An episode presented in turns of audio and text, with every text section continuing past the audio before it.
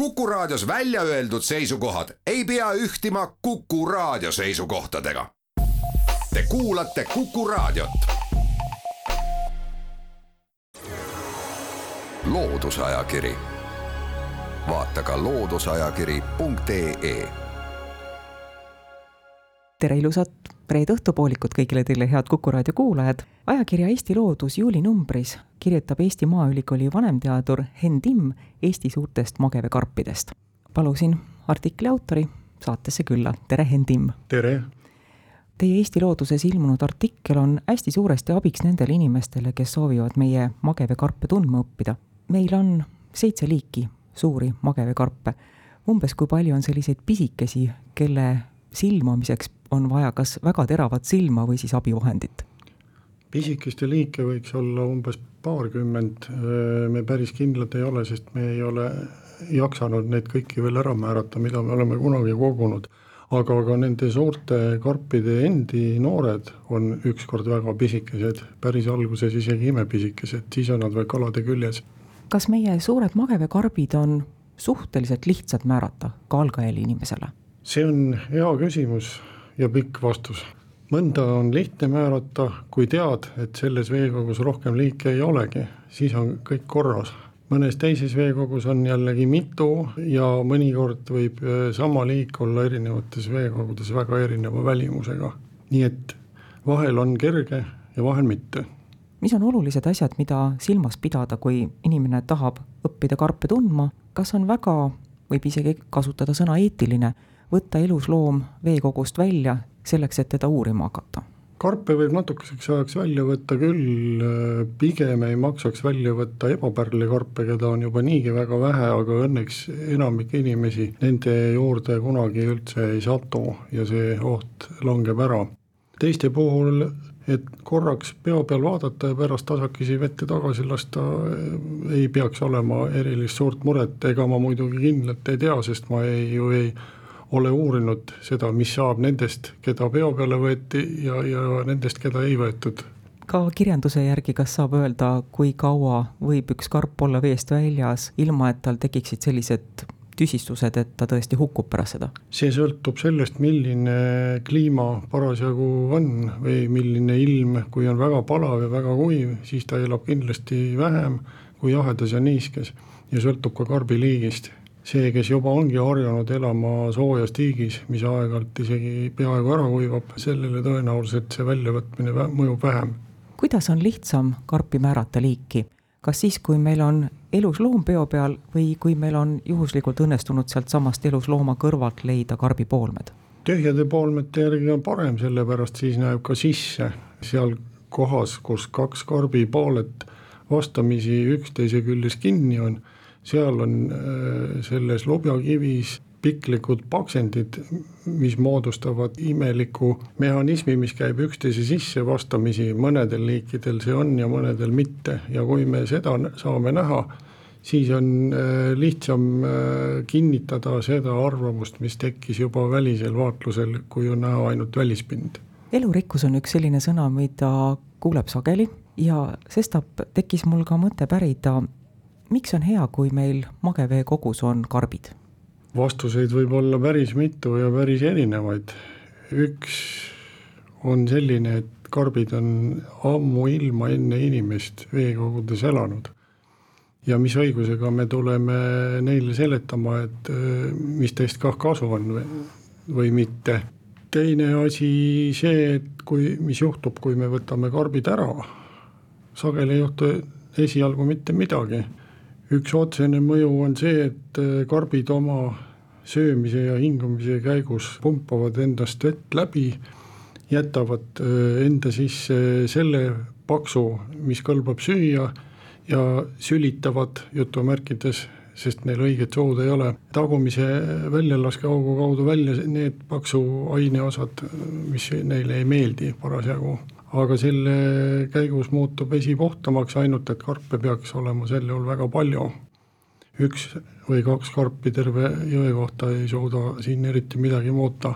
oma artiklis ajakirjas Eesti Loodus te juhite tähelepanu sellele, et karbid ja teod on sageli inimestel argi mõistes üsna ühed ja samad loomad. Te olete ilmselt sellega nii sageli kokku puutunud, et pidasite vajalikuks seda kirja panna?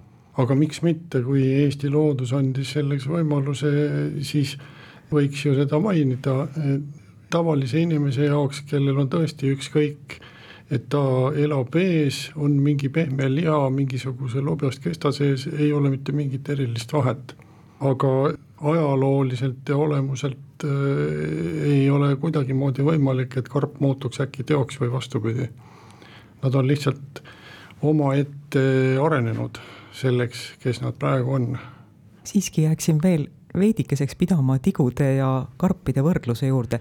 teod on kujunenud aeglase liikumise võrdkujuks, kui vilkad liikujad on karbid. nii ja naa, mõned karbid meres võivad teha väga kiireid hüppeid ma usun, et ka mageveekarbid, kui nad on liivast välja põhjapinnale tulnud, siis nad võivad äkilise veepurtsatusega nõkshaaval liikuda, enamasti. Liiguvad nad küll oma jalga tasahilju liigutades. ei ütleks, et keskeltläbi just kiiremad või aeglasemad kui teod, aga neil ei ole ka mingisugust kiiret, neil ei ole põhjust kiiresti liikuda, nad ongi loodud selleks, et paigal püsida peamiselt ja kuna nad toituvad sellest, mis veevool toob või siis eh, mida nad eh, ise veest tõmbavad, siis kui vesi ei voola, selleks ei ole ka teab mis väledaid jalgu vaja, piisab ühest suurest ja aeglasest. ka tigudel on üks jalg kõigil. see tähendab, et seda osa, mis vastu maapinda puutub, kutsutakse jalaks mugavuse mõttes meie suurtest karpidest ja üldse meil elavatest karpidest konkurentsitult kõige suurem tähelepanu on ebapärlikarbil. viimastel aegadel on meedias jälle tähelepanu pööratud ebapärlikarbile ja seda seoses sellega, et Põlula kalakasvatuses kasvatati noori väikeseid ebapärlikarpe ja siis asustati tagasi loodusesse. artiklitest on jäänud võib-olla ekslik mulje, et ebapärlikarbi paljunemine on väga keeruline, on ta palju keerulisem palju enamatest asjadest sõltuv kui teistel suurtel magevekarpidel? ei ole, jõe ja järvekarpidel on samasugune tsükkel, nad ainult kasutavad teistsuguseid kalaliike, ka mitte alati, sest äh, nad võivad elada ka forellide ja lõhedega samades veekogudel koos iseasi, kas seal on siis nüüd just need liigid või on ebapärlikarp või veel mingisugune muu, sest eh, Euroopa suurte karpide valik magevetes on tegelikult väga vilets Põhja-Ameerikas on neid näiteks umbes kolmsada ja Austraalias, kui ma nüüd mäletan, midagi paarisaja ringis ja Lõuna-Ameerikas ja Aafrikas küll vähem. et äh, keeruline öelda, et missugune liik nüüd mida teeb ja kõik on nad natukene individuaalsed ju ka, muidu nad polekski omaette liigid. aga päris väikesed karbid, äh, hernes ja keraskarbid, kes on enamasti alla sentimeetri pikad ja kollakad, nemad ei parasiteeri kaladel, selles mõttes lihtsam Loodusajakiri, vaata ka looduseajakiri.ee loodusajakiri läheb edasi. sel korral on saate teemaks Eesti suured mageveekarbid. saates on külas Eesti Maaülikooli vanemteadur Henn Timm, mina olen saatejuht Tiia Rööp. mis on ebapärlikarbi maagia? ei ole ju harvad need juhtumid, kus hüdrobioloogide poole pöördutakse küsimusega, kas see karbikoda, mille inimene leidnud on, kas see võiks kuuluda ebapärlikarbile?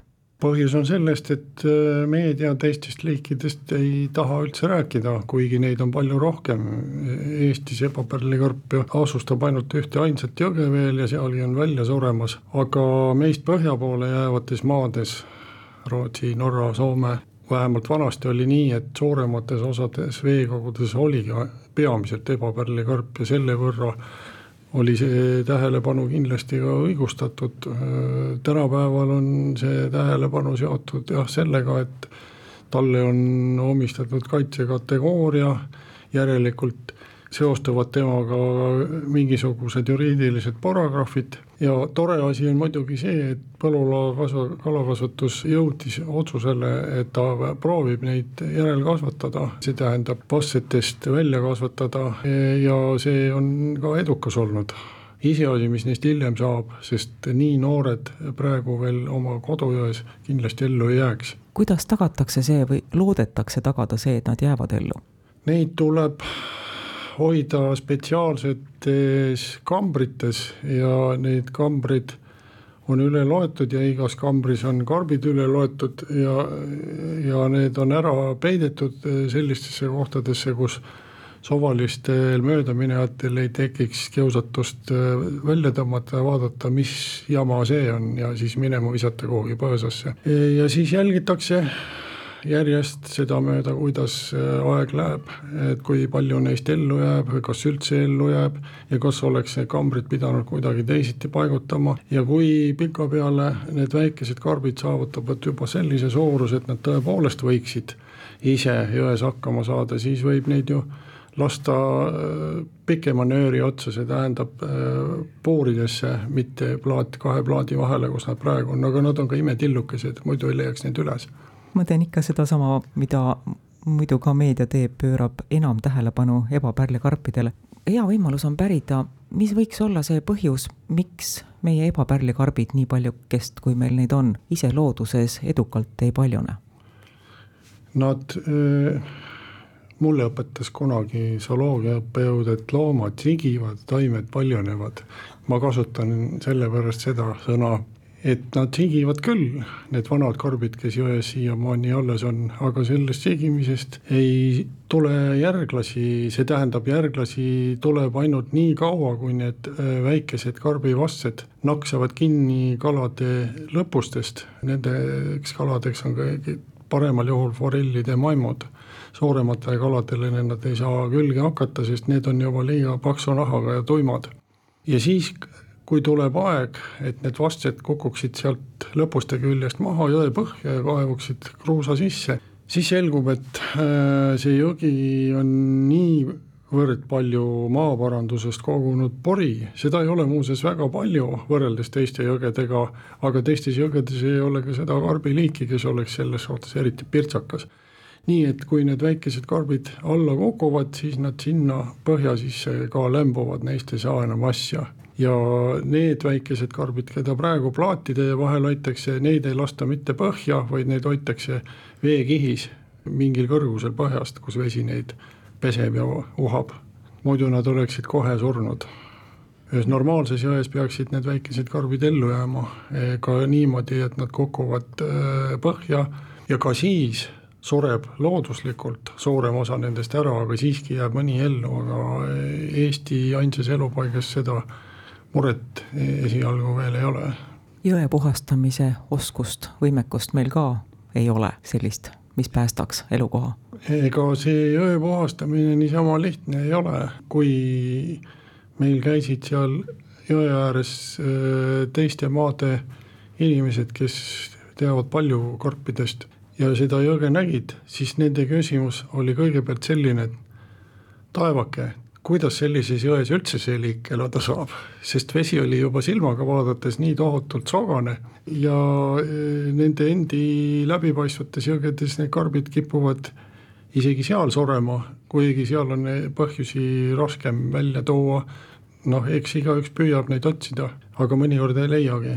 ta on lihtsalt niisugune liik, kes on elanud e, aastatuhandeid või isegi miljoneid, ma ei mäleta täpselt, ja nüüd on jõudnud aeg kätte ilmselt, et ta hakkab ära kaduma, aga liikide vaheldumises ei ole ju midagi imelikku, kunagi olid meil saurused ja ja, ja mingisugused muud elukad, kelle nimesidki me ei tea, keda maa seest leitakse minu eestvedamisel, minu ärgitusel oleme taas jälle ebapärlikarbile hoopis rohkem tähelepanu pööranud kui teistele karpidele. aga üks küsimus veel. inimestel on sageli mõne bioloogilise objektiga kokku puutudes küsimus, kas see süüa kõlbab, kas meie suuri magevekarpe on söödud, on nad söögikõlbulikud? mina olen maitsnud äh, ja võin kinnitada, et eriti hea ei olnud. vinske natuke nagu A või herne maitse oli juures, aga ühe ampsu sõin kuidagi ära, kui see juhtus niimoodi, et need karbid jäid äh, kalanoota ja neid oli seal hästi palju. ja siis me mõtlesime, et me proovime, need ei olnud ebapärlikarbid loomulikult. ja praadisime ühe pannitäie, aga äh, ega mingit eriti head mälestust sellest ei ole. tõenäoliselt kui näljasurm ähvardaks, siis äh, oleks ehk mingit abi, aga ma väga ei usu, et nendel küsijatel just see näljasurm oleks eriti lähedal. Need ehk tahaksid mingit eriti peent ja uut maitset koogiretsepti saada. aga karpidest on lihtsalt kahju, nad ei ole meile midagi ju teinud. selle tõdemusega lõpetame saate. aitäh, Henn Timm, saatesse tulemast, aitäh vestluse eest. kes soovib omal käel Eestis elavaid suuri magevekarpe tundma õppida, ajakirja Eesti Loodus juulinumbrist leiate tänase saatekülalise koostatud asjaliku määraja saatejuht Tiir Ööp tänab kõiki, kes kuulasid. järgmise Loodusajakirja saatega on plaanis anda ülevaade ajakirja Horisont värskest neljandast numbrist. ilusat suve jätku, jälle kuulmiseni. loodusajakiri, vaata ka looduseajakiri.ee